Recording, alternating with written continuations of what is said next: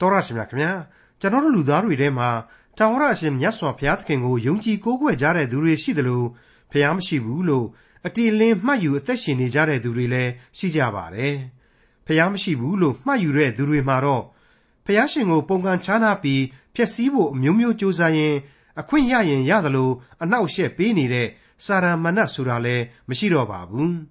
ဘုရားရှင်ရဲ့ရန်သူတော်ကြီးစာရမဏတ်ကတော့ ဖျားရှိတယ်ဆိုတာကိုသိပေမဲ့ရှိတယ်ရဲ့လို့သဘောမထားတော့တဲ့အထိမာမာနတွေထောင်လွှားတက်ကြွလာသလိုဂယုမဆိုင်တော့တာဖြစ်ပါတယ်။အဲ့ဒီလိုဂယုမဆိုင်ရင်နဲ့ဖျားဆိုတာမရှိတော့ဘူးလို့သဘောထားလိုက်ပါတော့တယ်။အဲ့ဒီလိုသဘောထားခံယူလိုက်ရင်သူဟာတစ်ချိန်မှာတရားစီရင်ခံရမယ်ဆိုတာကိုပါမေ့ပစ်လိုက်ပါတော့တယ်။ဖျားမရှိဘူးလို့မှတ်ယူထားကြတဲ့သူတွေဟာစာရမဏတ်နဲ့သဘောထားချင်းတူနေကြပါသလား။ အဲ့ဒီအကြောင်းကိုစမ်းစစ်သိရှိရမယ်ခရိယန်တမန်ကျမ်းဓမ္မဟောင်းကျမ်းပိုင်းတွေကဓတ္တမမြောက်ဆာလံကျမ်းနဲ့၁၁ခုမြောက်သောဆာလံကျမ်းတွေကိုဒီကနေ့တင်ပြရသောတမန်ကျမ်းအစီအစဉ်မှာလေ့လာမှာဖြစ်ပါတယ်။အလျှော်ပေးစီရင်ချက်ချမှတ်ကြတဲ့တရားစီရင်မှုတွေမအောင်မြင်သလိုဖျားရှင်ရဲ့တရားစီရင်ခြင်းကရောအောင်မြင်ပါမလားဆိုတဲ့သုံးသပ်ချက်နဲ့အတူဓတ္တမမြောက်ဆာလံကျမ်းနဲ့၁၁ခုမြောက်သောဆာလံကျမ်းတွေကိုဒေါက်တာထွန်းမြတ်အေးက အခုလိုလေ့လာတင်ပြမှာဖြစ်ပါတယ်။သင်သိရသောသမာကျမ်းကိုအမြဲတမ်းစောင့်စားနားဆွင့်နေကြတဲ့မိတ်ဆွေတော်တတ်ရှင်အပေါင်းတို့ကိုဘုရားသခင်ကောင်းကြီးပေးပါစေလို့ကျွန်တော်ဆုတောင်းပေးလိုက်ပါတယ်။မိတ်ဆွေအပေါင်းတို့ခရစ်တော်မပေါ်ထွန်းမီရာစုနှစ်ပေါင်းများစွာအချိန်ကာလတုန်းကဣသရေလရဲ့ဒုတိယမင်းဆက်ဖြစ်တဲ့ဒါဝိဒ်မင်းကြီးအများဆုံးပါဝင်ရေးဖွဲ့ခဲ့သောဆာလံတည်ခြင်းတွေကိုမိတ်ဆွေတို့ဟာစိတ်ပါဝင်စားစွာနဲ့လေ့လာနေကြလိမ့်မယ်လို့ကျွန်တော်ယုံကြည်ပါတယ်။မှန်ပါတယ် ခန့်မှန်းခြေအားဖြင့် BC နှစ်ပေါင်း960နဲ့1000ရဲ့ဂျားကာလတုန်းကသမိုင်းမှာအလွန်ထင်ရှားခဲ့တဲ့ဣသရေလမင်းကြီးဒါဝိဒ်မင်းနဲ့တကွာဆာလံဆရာကြီးများစွာ ပါဝင်ရေးဖွဲ့ခဲ့တဲ့ဆာလံကျမ်းခေါ်သော လင်္ကာယပြည်ချင်းပေါင်းများစွာတို့ကိုမိษွေတို့လိလာလျက်ရှိနေကြပါတယ်။အဲ့ဒီဆာလံပြည်ချင်းတွေထဲမှာမှရှားရှားပါးပါးလို့ဆိုရလောက်အောင်ဒါဝိဒ်မင်းကြီးရဲ့မတိုင်ခင်နှစ်ပေါင်းများစွာတုန်းကတည်းကပေါ်ထွန်းခဲ့တဲ့ ဣသရေလခေါင်းဆောင်ကြီးမောရှေရဲ့ဆာလံတစ်ခုဟာလည်းပါဝင်ပါသေးတယ်။အဲ့ဒါကတော့60ခုမြောက်သောဆာလံပဲဖြစ်ပါတယ်။ဒီတော့ဒီဆာလံတီချင်းတွေရဲ့တန်ပါဟာဘလောက်ရင့်တယ်လေ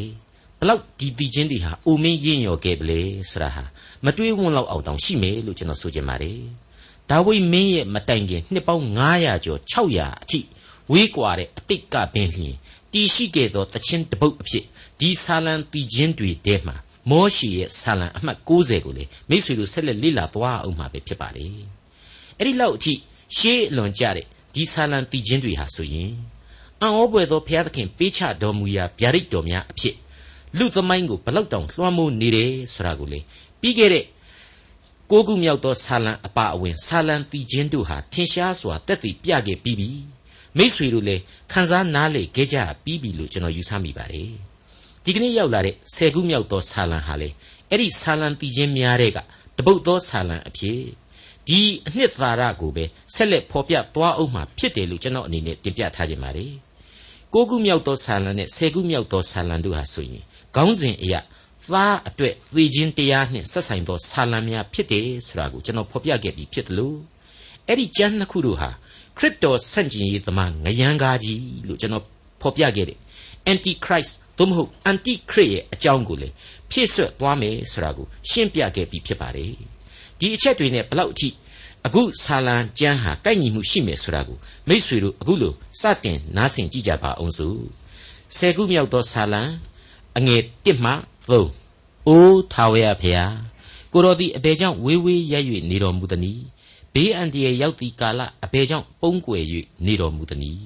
မတရားသောသူသည်မာနစိတ်ရှိ၍ဆင်းရဲသောသူကိုညှင်းဆဲတတ်ပါ၏မိမိပြုသောပရိယေအားဖြင့်ထိုသူကိုဖန်ဆီးတတ်ပါ၏မတရားသောသူသည်မိမိစိတ်အလို၌ဝါကြွားတတ်ပါ၏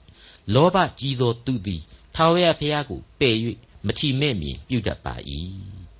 မတရားသောသူဆိုတာကိုဆာလံတီချင်းတို့ရဲ့အစမှကလေးကမတရားသောသူတို့၏တိုက်တွန်းခြင်းတို့မလိုက်လူဆိုးတို့၏လမ်းတွေမရက်မနေဆိုတဲ့အချက်ရဲ့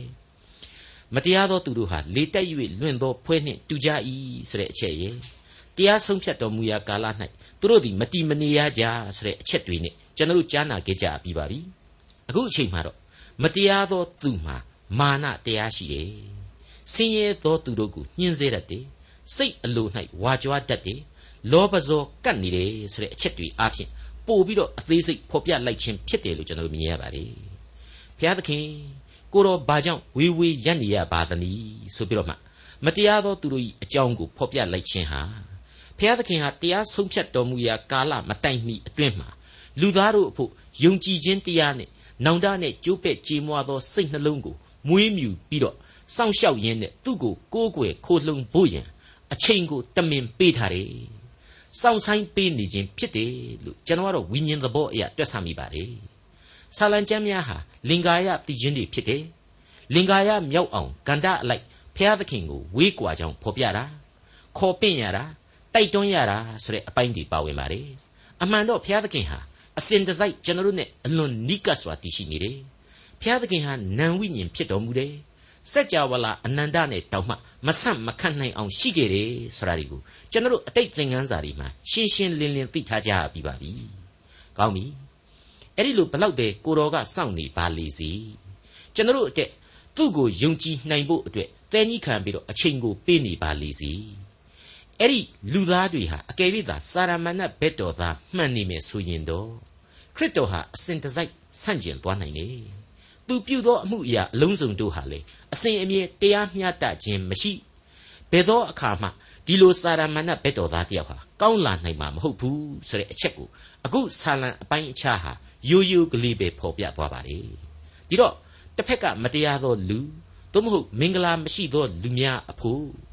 နောင်တတရားကိုခံယူဖို့ရန်အချိန်ကာလဟာအတိုင်းအဆတစ်ခုအထိရှိနေတယ်ဆိုတာကိုသိသာစေတယ်ဒါပေမဲ့အဲ့ဒီအချိန်အတော်အတွင်းမှာပဲခရစ်တော်ကိုအမြဲဆန့်ကျင်တဲ့စာရမဏတ်ဟာလေအဲ့ဒီမတရားသောလူအဖွဲ့အစည်းကိုအစဉ်တစိုက်လွှမ်းမိုးနေပြန်တယ်ဆိုတာကိုလမ်းပြိုင်များအဖြစ်ဆာလံဆရာဟာဖော်ပြလိုက်တယ်လို့ကျွန်တော်ခံယူပါတယ် ဟုတ်ပါတယ်ပထမမြောက်သောဆာလံမှာကလေးကတွေ့လာရတဲ့အသက်လမ်းပေါ်ကလူနဲ့အပြက်လမ်းပေါ်ကလူတွေရဲ့တည်ရှိခြင်းတရားအတိုင်းပဲပေါ့လူလောကဟာကပ်ကာလကုံဆုံးသောအချိန်အထိအဲ့ဒီလမ်းပြိုင်နှစ်ခုအပေါ်မှာရှင်သန်ချီတက်သွားကြရမှာအမှန်ပဲဖြစ်ပါလေမိษွေဘယ်လမ်းကိုရွေးမှာလဲဆယ်ခုမြောက်သောဆာလံအငယ်၄မှ7မတရားသောသူသည်မာနထောင်လွှားသောကြောင့်မစင်စားတတ်ပါ ဖျားသခင်မရှိဟုအစဉ်အောက်မေ့တတ်ပါ၏အစဉ်ခိုင်မာစွာကြင့်ကြံပြုမှုတတ်ပါ၏တရားစီရင်တော်မူချက်တို့သည်သူနှင့်ဝေးမြင့်သည်ဖြစ်၍ခတ်သိမ်းသောရန်သူတို့ကိုမထီမဲ့မြင်ပြုရပါ၏ငါသည်အစဉ်မရွေ့ရဆင်းရဲခြင်းသို့မရောက်ရဟုအောက်မေ့တတ်ပါ၏သူ၏နှုတ်သည်ကျိန်ဆဲခြင်းလှဲ့စားခြင်းရှုံချခြင်းနှင့်ပြည့်ဝပါ၏ရှားအောက်မှမကောင်းသောအကြံနှင့်မတရားသောအမှုရှိပါ၏ရွာအနားတွင် ပုံနေရအရတ်မှထိုင်၍ အပြစ်မရှိသောသူကိုစိတ်ွယ်ရာအရတ်၌တတ်တတ်ပါ၏ဆင်းရဲသောသူကိုချောင်းမြောင်းတတ်ပါ၏ခြုံထဲမှနေသောခြင်းသိကဲ့သို့ကွယ်ရာအရတ်၌ပုံ၍နေတတ်ပါ၏ဆင်းရဲသောသူကိုဖမ်းဆီးခြင်းဟာပုံကွယ်၍နေပါ၏ဆင်းရဲသောသူကိုကွန်ရွက်ထဲသို့ဆွဲ၍ဖမ်းဆီးတတ်ပါ၏ထို့သောညှင်းဆဲနှိပ်စက်ခြင်းကိုခံရ၍ဆင်းရဲသောသူအပေါင်းတို့သည်သူ၏လက်သို့ကြာရောက်တတ်ကြပါ၏ထိုသူကဖျားသခင်သည်မေ့လျော့တော်မူ၏မျက်နာကိုလွှဲတော်မူ၏ မြင်တော်မမူဟု အောက်မေ့တတ်ပါ၏စောစောကအပိုင်းမှာမင်္ဂလာမရှိသောလူမတရားသောလူအပြက်လမ်းပေါ်ကလူစသဖြင့်ဘယ်ဘက်ကမှကောင်းခြင်းမရှိတဲ့လူအပြစ်ဘဝကိုဖော်ပြတယ်အခုအချိန်မှကျတော့သူ့ကိုဥဆောင်မှုအခန်းကဏ္ဍကအန်တီခရစ်လို့ခေါ်တဲ့ခရစ်တော်ဆန့်ကျင်ရေးသမားစာရမဏငရန်ကာကိုယ်တိုင်ရဲ့တယုတ်ကိုယ်သာပို့ပြီးတော့ဒီဆာလံအပိုင်းအခြားဟာဖော်ပြလိုက်တယ်လို့ကျွန်တော်ဆိုချင်ပါတယ်အဲ့ဒီအန်တီခရစ်ရဲ့ အထင်ရှားဆုံးသောဇယိုက်လက္ခဏာကြီးကတော့ဖျားသခင်မရှိဟုအစဉ်အောက်မေ့တတ်ပါ၏ဆိုတဲ့အချက်ဖြစ်ပါတယ်အမှန်တော့ဖျားသခင်ရှိတာကိုသူသိတယ်ဒါပေမဲ့ရှိတယ်လို့သဘောမထားတော့တဲ့အထိမာနတွေတက်လာတယ်လို့ဆိုလိုခြင်းဖြစ်ပါတယ်ဖျားသခင်မရှိဘူးလို့သူသဘောပိုက်လိုက်တာနဲ့တပြိုင်နက်တည်းတရားစီရင်ခြင်းခံရမယ်ဆိုတာကိုပါသူဟာတခါတည်းမေ့ပြစ်လိုက်ပါတယ်ငါဟာအမြဲတမ်းပန်းပန်လျက်ပဲ စင်ပေါ်မှာအမြဲရှိနေမှာပဲဆိုတဲ့အတွေးမျိုးတွေဖြစ်လာတယ်တဲ့အစင်မရွေ့ရဘူးလို့တွေးတယ်ဆိုတာဟာအဲ့ဒီသဘောပါပဲဆင်းရဲခြင်းတို့မရောက်ရဘူးလို့အောက်မိတယ်ဆိုတာဟာတက္ကာလကုံဆုံးခြင်းဆိုတာဟာမရှိဘူးဒုက္ခဆင်းရဲအချိန်ကာလဆိုတာဟာလည်းမဖြစ်နိုင်ဘူးလို့သူဟာတမင်ခံယူလိုက်တယ်ဆိုတာကိုဖော်ပြလိုက်ပါတယ်အဲ့ဒီမှာတင်ဒီစာရန်ခေါင်းဆောင် အန်တိခရစ်ရဲ့ဘက်ကမင်္ဂလာမရှိသောလူဟာလေတခါတည်းရောရောင်ပြီးတော့သူ့ဆရာစာရန်အတိုင်းပဲဖះမရှိတော့ဘူးဆိုတဲ့ atheism ခေါ်ဒိဋ္ဌိအယူဝါဒကိုခံယူလိုက်တယ်ဆိုတာဟာလေဒီဖော်ပြချက်အရာတဘာတည်းတွေ့လာရပါတယ်ဒီနေရာမှာတခါထပ်မံဖော်ပြကျင်တာကတော့ဘုရားသခင်ဖန်ဆင်းဂါဇကစပြီးတော့မောရှိအချိန်ကာလအထိလူတွေဟာဘုရားသခင်ကိုသိကြတယ်ဒါပေမဲ့ဖယမဲ့ဝါဒဆိုတာမရှိခဲ့သေးဘူးဒါပေမဲ့စာရမဏတ်ဘက်ကိုတိမ့်ညွတ်ရင်းနဲ့ပဲ ဖျားတွေအများကြီးကိုထာဝရဘုရားသခင်ရှိပါရဲ့နဲ့ရော့ရောင်ကိုးကွယ်ကြတယ်အထူးသဖြင့်နတ်တွေကိုကိုးကွယ်ကြတယ်နေလကျေတာယာနက်ခတ်တွေကိုကိုးကွယ်ကြတယ်စတာတွေကိုကျွန်တော်တို့သမိုင်းမှာတွေ့ကြရပါတယ်ဒါကြောင့်လဲပြည့်ညတ်တော်10ပါးမှာဆိုရင်ထင်ထင်ရှားရှားအစပိုင်းမှာကလေးကဘုရားသခင်မှာခဲ့တာကတော့ငါမှတပါအခြားသောဘုရားကိုမကိုးကွယ်ရဆိုပြီးတွေ့ရခြင်းပါပဲအဲ့ဒီတော့အဲ့ဒီမောရှိခေတ်ကာလအထိဖန်ဆင်းခြင်းနဲ့သိမဝေးသေးတဲ့အတွက်ကြောင့် လူသားတွေဟာဘုရားသခင်ရှိခြင်းကိုသိတယ်ဘုရားသခင်ကိုသာမကိုးကွယ်ပဲတခြားဘုရားတွေကိုရှောက်ပြီးကိုးကွယ်နေကြတာဒိဋ္ဌိမရှိရဆိုပြီးတော့တားမြစ်ရလောက်အောင်ဘုရားသခင်မရှိဘူးဆိုတဲ့အယူအဆမျိုးမရှိဘူးသေးဘူးလို့မရှိသေးဘူးလို့ကျွန်တော်တို့တွက်ဆလို့ရနိုင်ပါတယ်ဒါပေမဲ့အခုဆာလံတီချင်းတွေဆက်ဆိုနေတဲ့ဒါဝိမင်းကြီးရဲ့အချိန်ကာလမှာကတော့ဖန်ဆင်းခြင်းနဲ့အလွန်ကွာလှမ်းသွားပြီဖြစ်တယ်။သမိုင်းဟာနှစ်ပေါင်းများစွာဝေးကွာသွားပြီမို့လူသားတွေဟာပုံစံပြောင်းလဲကုန်ကြပြီ။ ဘုရားသခင်လုံးဝမရှိဘူးဆိုတဲ့အထိဒိဋ္ဌိသမားတွေပေါ်ထွန်းလာခဲ့ပြီဆိုတာသတိပြုနိုင်ပါလေ။တရားစီရင်တော်မူချက်တို့သည်ဝေးမြင့်သည်ဖြစ်၍ဆိုတာကိုကျွန်တော်သိသဘောကျမိပါလေ။ဒါဟာအဆင့်အတန်းချင်းအလွန်ကွာလှမ်းသွားလို့သူ့ရဲ့စီမှာမှီနိုင်တဲ့အသည့်တရားတောင်မှမရှိတော့ဘူးဆိုတဲ့သဘောပါသူ့ရဲ့စီမှာဆိုတာဟာနော်အန်တိခရစ်စီမှာပြောတာစာရမဏေရဲ့ဘက်တော်သားဒိဋ္ဌိတွေစီမှာပြောတာသူတို့ဟာ ဖျားသခင်နဲ့အဆင့်အတန်းချင်းအလွန်အလွန်ကွာလှမ်းသွားပြီဖြစ်လို့တရားစီရင်တော်မူချက်တို့သည်သူတို့နဲ့အလွန်ဝေးမြင့်သွားပါပြီတဲ့ဖျားသခင်မရှိဘူးဆိုတဲ့လူဟာဘလောက်ကြည့်ဝိညာဉ်အဆင့်အတန်းနှိမ့်ကျသွားနိုင်တယ်အတွေးခေါ်တွေဘလောက်ထိမြေကြီးအောက်ကိုရောက်သွားနိုင်တယ်ဆိုတာကိုဒီအချက်အားဖြင့်ကျွန်တော်တို့ကောင်းကောင်းကြီးသဘောပေါက်နားလေနိုင်အောင်ဆုံးမလိုက်ခြင်းပဲဖြစ်ပါတယ်ဒီအပိုင်းတွေက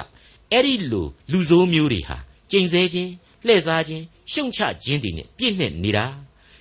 ရွာနာရက်ွက်နာမှာမှောင်ရိပ်ခိုးပြီးတော့အပြစ်မဲ့တဲ့လူကိုချောင်းမြောင်တတ်တာဆင်းရဲသားတွေကိုတိုက်ခိုက်တာစတဲ့အမှုတွေကိုကျူးလွန်တတ်တဲ့အကြောင်းဒါဝိဒ်ဟာဖော်ပြလိုက်ပါတယ်တကယ်တော့ဒါဟာဒါဝိဒ်ရဲ့ဘဝအတွေ့အကြုံကလာတာသူဟာဝရမ်းပြေးကြီးဘဝဒါဝိဒ်တယောက်အနေနဲ့ဘဝအတွေ့အကြုံတွေအများကြီးရှိခဲ့တယ်အဲ့ဒီအချက်ကအခုဖယမဲဝါဒီတွေ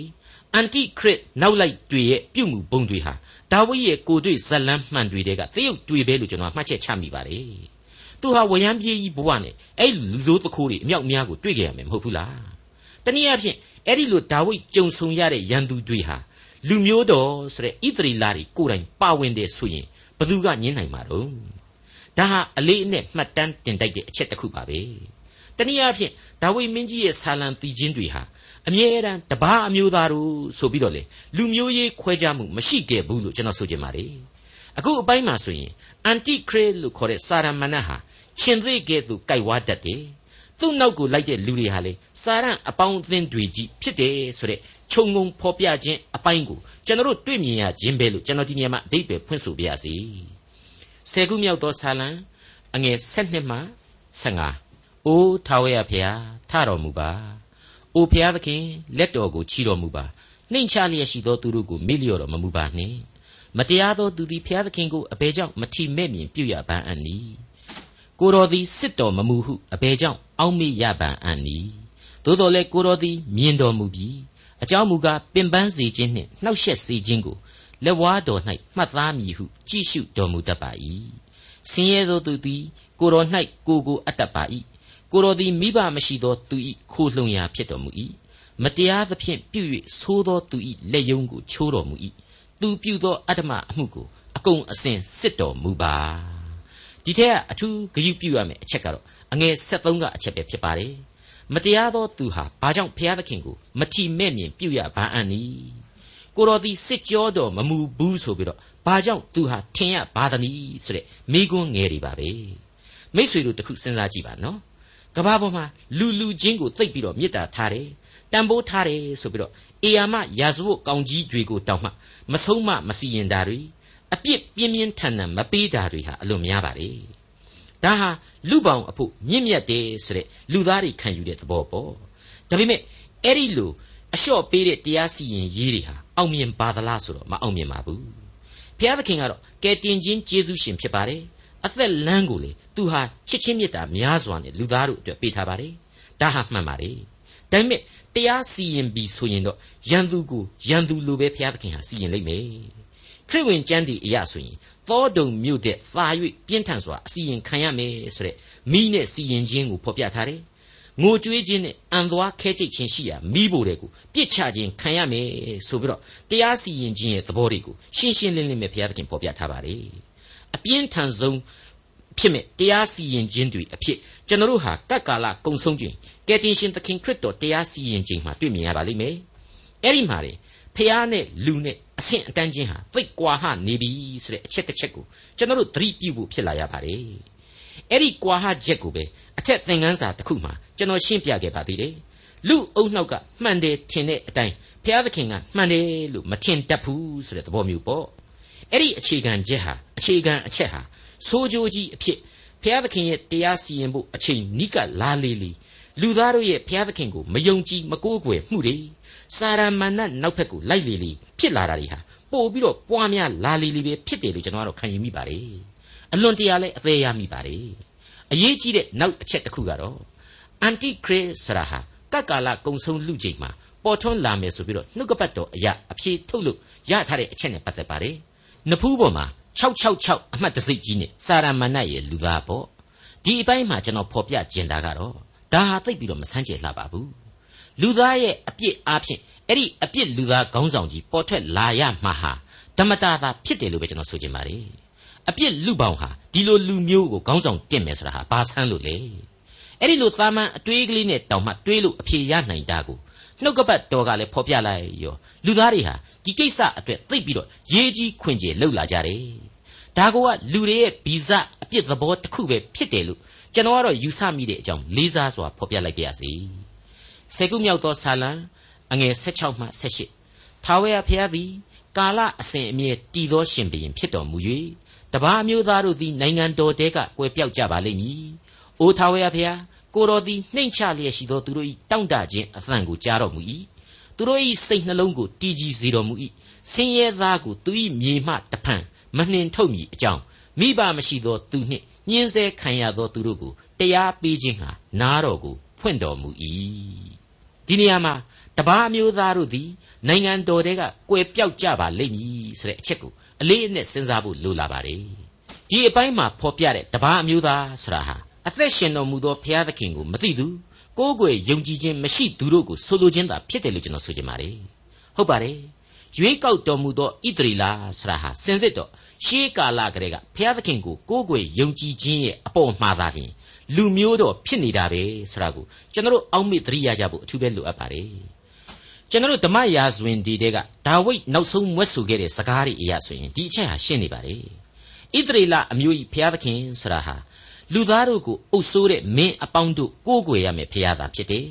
တစ်ချိန်တည်းမှာငါအမျိုးအနွယ်ကိုရှေ့တော်မှာမြဲမြံအောင်စီရင်တယ်နေဆထာဝရဗြိညင်ဖွဲ့တယ်ဆိုပြီးတော့ဒါဝိဒ်အဲ့ထက်မှာဖော်ပြထားပါတယ်ဟုတ်ပါတယ်ဣသရေလလူမျိုးတော်ကိုရွေးကောက်ထားပါတယ်ထာဝရဗြိညင်အဖြစ်ကယ်တင်ရှင်သခင်ခရစ်တော်ပေါ်ထွန်းစေဖို့ရန်အထူးသဖြင့်ဒါဝိဒ်အမျိုးအနွယ်ကိုခရစ်တော်ရဲ့အမျိုးအနွယ်အဖြစ်ဘုရားသခင်ရွေးကောက်ခဲ့ပါတယ်ဘယ်လူမျိုးဘယ်တိုင်းတစ်ပါးသားကိုမှနှိမ်ဖို့မဟုတ်ပါဘူး ကယ်တင်ခြင်းကျေးဇူးကိုလူသားတိုင်းအတွက်ပေးဖို့ရန်သာဖြစ်ကြောင်းကိုကျွန်တော်တို့အလေးအနက်ဒီနေရာမှာသိထားဖို့လိုပါတယ်ဒါဆိုရင်ဘုရားသခင်နှစ်သက်တဲ့လူတော်ဝါဆိုတာဟာဣသရေလကြီးမဟုတ်တဲ့အကြောင်းရှင်းရှင်းကြီးပေါ်လာပြီဘယ်လိုလူမျိုးတွေဆိုရင်ဘုရားသခင်ကောင်းကြီးပေးမယ်ဆိုတာဟာရှင်းနေပါလေအငယ်16နဲ့18ကိုပြန်ပြီးတော့ဖတ်ကြည့်ကြပါ။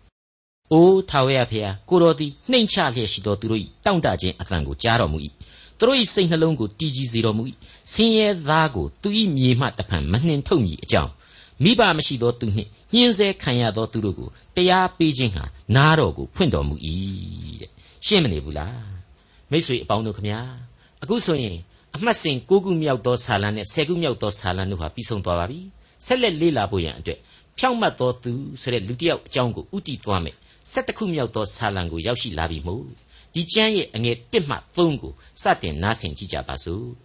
မတရားသောသူတို့သည်သဘောဖြောင့်သောသူတို့ကိုမထင်မရှားပြစ်အံ့သောငါလေးကိုတင်၍လေးညှို့ပေါ်မှမြားကိုပြင်ကြ၏အမိတကယ်တို့သည်ပြက်လျင်ဖြောင့်မတ်သောသူသည်အဘယ်သို့ပြုနိုင်သနည်း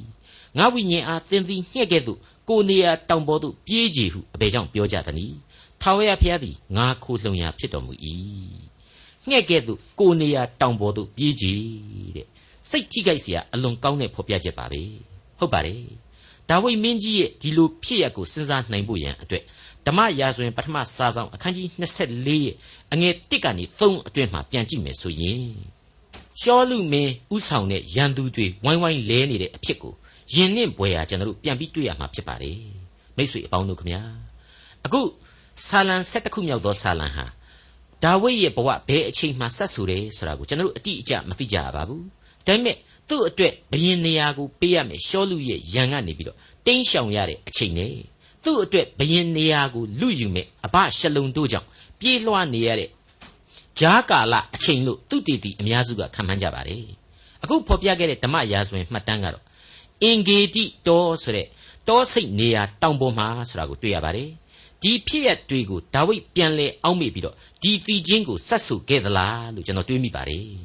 ဒါဝိဒ်မင်းကြီးပြေးရလွှားရအတိုင်းမှာသူ့ရဲ့အကြံပေးပညာရှိကြီးတွေအကြံဉာဏ်တွေတိုက်တွန်းနှိုးဆော်ချက်တွေဟာအမြဲနောက်ကလိုက်နေတာပါပဲဒါပေမဲ့ဒါဝိဒ်အမြဲတမ်းမျက်မှောက်ပြုတာကတော့အဲ့ဒီလူတွေရဲ့အကြံဉာဏ်မဟုတ်ခဲ့ပါဘူးဖျားသခင်ရဲ့လမ်းပြခြင်းနဲ့အမိန့်တော်သာဖြစ်ခဲ့ပါတယ်ဒီအပိုင်းမှာကျွန်တော်တို့ဟာဒီဆာလံကိုဖွဲ့ဆိုတဲ့အချိန်နဲ့ပတ်သက်လို့ခံမှန်းနိုင်လောက်တယ်လို့ကျွန်တော်တင်ပြခြင်းပါတယ်ဟုတ်ပါတယ် အဲ့ဒီလူတောစိတ်နေရာတောင်ပေါ်ကိုရှောလူလိုက်သက်လို့ပြေးရတဲ့အကြောင်းတွေကိုဒါဝိဒ်ကနေပြီးတော့တွေးမိတာရဲ့ငါ့ကိုအဲ့ဒီကိုပြေးစေဆိုပြီးတော့ဘာဖြစ်လို့ပြောရသလဲလို့ထဲ့သွင်းရေးသားထားတာရဲ့အမိတကယ်လို့ခေါ်တဲ့ငါရဲ့တောက်တိုင်သို့မဟုတ်ငါဘက်တော်သားတွေကပြက်ကုန်ပြီလို့ဖော်ပြထားတဲ့အချက်တွေရဲ့ကိုအားလုံးပေါင်းစုစဉ်းစားလိုက်တော့အနည်းဆက်ဆုံးအဖြေရလာပါတယ်အဲ့ဒါကတော့ဒီလင်္ကာကိုစတ်ဆူခြင်းမှာသားကြီးအဘရှလုံသဘုံထပြီးတော့သူ့ကိုသတ်ဖို့ပြင်နေပြီ သူ့ကိုတစ္ဆာဖောက်တဲ့လူတွေကလည်းဖောက်ကုန်ပြီမင်းတိုင်ပင်တွေကလည်းအတိတ်ကပြေးခဲ့တဲ့တောင်ပေါ်အရက်တွေကိုထွက်ပြေးကြဖို့သူ့ကိုထွက်ပြေးဖို့အတွက်ဝိုင်းပြီးတော့တိုက်တွန်းနှိုးဆော်နေပြီဆိုတဲ့အဖြေကိုရရှိလာစေပါတယ်ဒီတော့ဒါဝိဒ်သူ့ကိုဒီလိုအကြံပြုတာတွေကိုပယ်ချတဲ့လက္ခဏာရှိနေတယ်လို့ဒီဆာလံအားဖြင့်သတ်မှတ်နိုင်တယ်လို့ကျွန်တော်တွေးဆမိပါတယ်ငါဝိညာဉ်အားသင်သည်ငှဲ့ကဲ့သို့ကိုနေရာတောင်ပေါ်သို့ပြေးကြည်ဟုအဘယ်ကြောင့်ပြောကြသနည်းထာဝရဘုရားသည်ငါခိုလှုံရာဖြစ်တော်မူ၏ဆိုတဲ့အချက်အားဖြင့် ရှင်းရှင်းကြီးဒီနေရာမှာကျွန်တော်ပေါ်လွင်နေပါတယ်ဟုတ်ပါတယ်ဒါဝိဒ်ဟာအသက်တာတစ်လျှောက်လုံးမှာဘုရားသခင်ကိုယ်သာအစဉ်တစိုက်ခိုလှုံကိုးစားခဲ့သူဖြစ်ပါတယ်မိษွေအပေါင်းတို့ခမညာဒီနေရာမှာနှက်ဆိုင်စွာစဉ်းစားဖို့နောက်တစ်ချက်ကတော့လောကကြီးမှာထွက်ပြေးလို့လွတ်မြောက်နိုင်တာရှိတယ်လို့ဘယ်ကိုပဲပြေးပြေးမလွတ်နိုင်တာရှိသေးတယ်အဲ့ဒီထဲမှာတော့ကိုယ့်ရဲ့စိတ်ဝိညာဉ်ဟာအဓိကကိုဘယ်တော့မှမလွတ်အောင်မရှောင်နိုင်တဲ့အရာပဲဖြစ်တယ်ဆိုတဲ့အချက်ပါပဲ ကိုယ်စိတ်ဝိညာဉ်နဲ့တောင်မှကိုဘယ်လိုမှမလွတ်နိုင်သေးဘူးဆိုရင်ဘုရားသခင်ရဲ့ဝိညာဉ်တော်နဲ့ကြတော့ပို့ပြီးတော့ဆိုးသွားပြီပေါ့139ခုမြောက်သောဆာလံကပြက်ပြက်သားသားမေခွန်းထုတ်လိုက်တယ်အဖြေလဲပေးလိုက်ပါတယ်ဝိညာဉ်တော်နှင့်လွတ်ချင်းအလိုငှာအဘယ်အရတ်သို့ပြေးနိုင်ပါမည်နည်းကောင်းကင်သို့တက်လျင်ကိုတော်ရှိတော်မူ၏မရဏနိုင်ငံ၌အိယာကိုခင်းလျင်ကိုတော်ရှိတော်မူ၏နတ်နဲ့အတောင်တို့ကိုယူ၍သမုတ်ကြာစွန်း၌နေလျင်ထိုအရတ်၌ပင်ကိုတော်၏လက်သည်အကျွန်ုပ်ကိုပို့ဆောင်လျက် လက်ရလက်တော်သည်ကင်လျက်ရှိပါလိမ့်မည်တဲ့ဒီနေရာမှာအဲ့ဒီအချိန်ကအတိတ်သမိုင်းကိုပြန်ပြီးတော့စဉ်းစားဖို့တွေကလည်းတန်းစီပြီးရှိနေပြန်ပါတယ်ဒါဝိမင်းကြီးကအဲ့ဒီအချိန်ကာလတုန်းကယေရုရှလင်မြို့တော်ကြီးကိုစွန့်ပြီးတော့ထွက်ပြေးခဲ့တာကိုတွေ့ရပါတယ်မြို့တော်ကြီးစစ်တမ်းကိုမခံစားရစေဖို့နဲ့မြို့တော်ကြီးမှာသွေးချောင်းမစီးဖို့ရဲ့သူ့အနေနဲ့ပြန်ပြီးတော့အင်အားစုဖို့ရဲ့အတွက်ပဲဖြစ်ပါတယ်အဲ့ဒီချိန်မှာအဘရှလုံရဲ့သဘုံတက်တွေရဲ့ဒါဝိရဲ့နောက်လိုက်တွေရဲ့ဟာဘလောက်အထိသဲသဲမဲမဲမုန်းကြည့်နေကြမယ် တွေ့ရသင်ချိုင်းဓာမဆိုင်ပဲတတ်ဖြတ်နေကြမယ်ဆိုတာတွေကိုလည်းတွေးဆနိုင်လောက်ပါတယ်တစ်ဖက်နဲ့တစ်ဖက်လေးကိုတင်၍လေးညှို့အပေါ်မှာမြားကိုပြင်ကြ၏ဆိုတဲ့အခုဆာလံကဖော်ပြတဲ့အတိုင်းဖြစ်ခဲ့မှာအသေးချပါအဲ့ဒီလိုနဲ့တိုက်ပွဲကြီးဖြစ်မဲ့အချိန်မှာတော့ဒါဝိဒ်ကနေပြီးတော့သူ့ရဲ့ဗိုလ်ချုပ်၃ယောက်ကိုမှားခဲ့တာဟာတွေးမိတိုင်းရင်ထုမနာเสียကောင်းလာပါလေရှင်ဘရင်ကလည်းငါမျက်နှာကိုထောက်၍ငါသားအဘရှလုံကိုဖြင်းညင်းစွာပြုကြလောတဲ့ဒီအကြောင်းတွေကိုလည်းအကုန်လုံးသောလူတွေဟာ စိတ်မကောင်းစရာအမှားစကားအဖြစ်အဲ့ဒီခေတ်ကာလမှာကြားခဲ့ကြအမှားမဟုတ်ချပါပဲဒါပေမဲ့ဘာပဲဖြစ်ဖြစ်နော်အဲ့ဒါဟာကျွန်တော်ပြောခဲ့တဲ့စစ်သမိုင်းနဲ့အပြစ်သမိုင်းရဲ့ဖြစ်စဉ်တစ်ခုပဲလူမြစ်တာတွေလူသစ္စာတွေဟာမအောင်နိုင်ခဲ့ပါဘူးရှေ့တန်းမှာမရှိခဲ့ပါဘူးဒါဝိရဲ့ဗိုလ်ချုပ်မင်းယွာဘဟာတစ်ပင်တပင်ကြွကြားမှာညှိပြီးတော့မသိမရှင်ဖြစ်နေတဲ့အဘရှလုံကိုသူညှိနေတဲ့တပိတ်ပင်မှာပဲနှလုံးကိုထုတ်ချင်းကလှန်နဲ့ထိုးပြီးတော့ အဆုံးသတ်စီရင်ပေးခဲ့ရတယ်ဆိုတာကျွန်တော်တွေ့ခဲ့ရပါတယ်ဆက်တစ်ခုမြောက်သောဆာလံအငယ်9မှ9ထာဝရဘုရားသည်ဖြောင့်မတ်သောသူကိုစုံစမ်းတော်မူ၏မတရားသောလူနှင့်လူယူဖျက်ဆီးလိုသောသူကိုဝိညာဉ်တော်သည်မုန်းတော်မူ၏မတရားသောသူတို့အပေါ်မှတောက်သောမိကေကန့်နှင့်ရောသောမိလျံပူလောင်သောမုန်တိုင်းတို့ကိုတက်ရောက်စေ၍သူတို့တောက်เสียဖို့စီရင်တော်မူမည်တရားသဖြင့်ပြုတော်မူသောထာဝရဘုရားသည်တရားသောအမှုကိုနှစ်သက်၍သဘောဖြောင့်သောသူကို မျက်နှာပြုတော်မူ၏အဲ့ဒီဖြောင့်မတ်သောသူကိုစုံစမ်းတော်မူ၏မတရားသောသူနှင့်လူယူဖျက်ဆီးလိုသောသူကိုဝိညာဉ်တော်သည်မုန်းတော်မူ၏မတရားသောသူတို့အပေါ်မှာတောက်သောမိကေကန့်နှင့်ရောသောမိလျံပူလောင်သောမုန်တိုင်းတို့ကိုတက်ရောက်စေ၍သူတို့တောက်เสียဖို့စီရင်တော်မူမည်တရားသဖြင့်ပြုတော်မူသောထာဝရဘုရားသည်တရားသောအမှုကိုနှစ်သက်၍သဘောဖြောင့်သောသူကိုမျက်နှာပြုတော်မူ၏ဒီစကားဟာမှားနေပြီလို့ကျွန်တော်ဆိုချင်ပါတယ်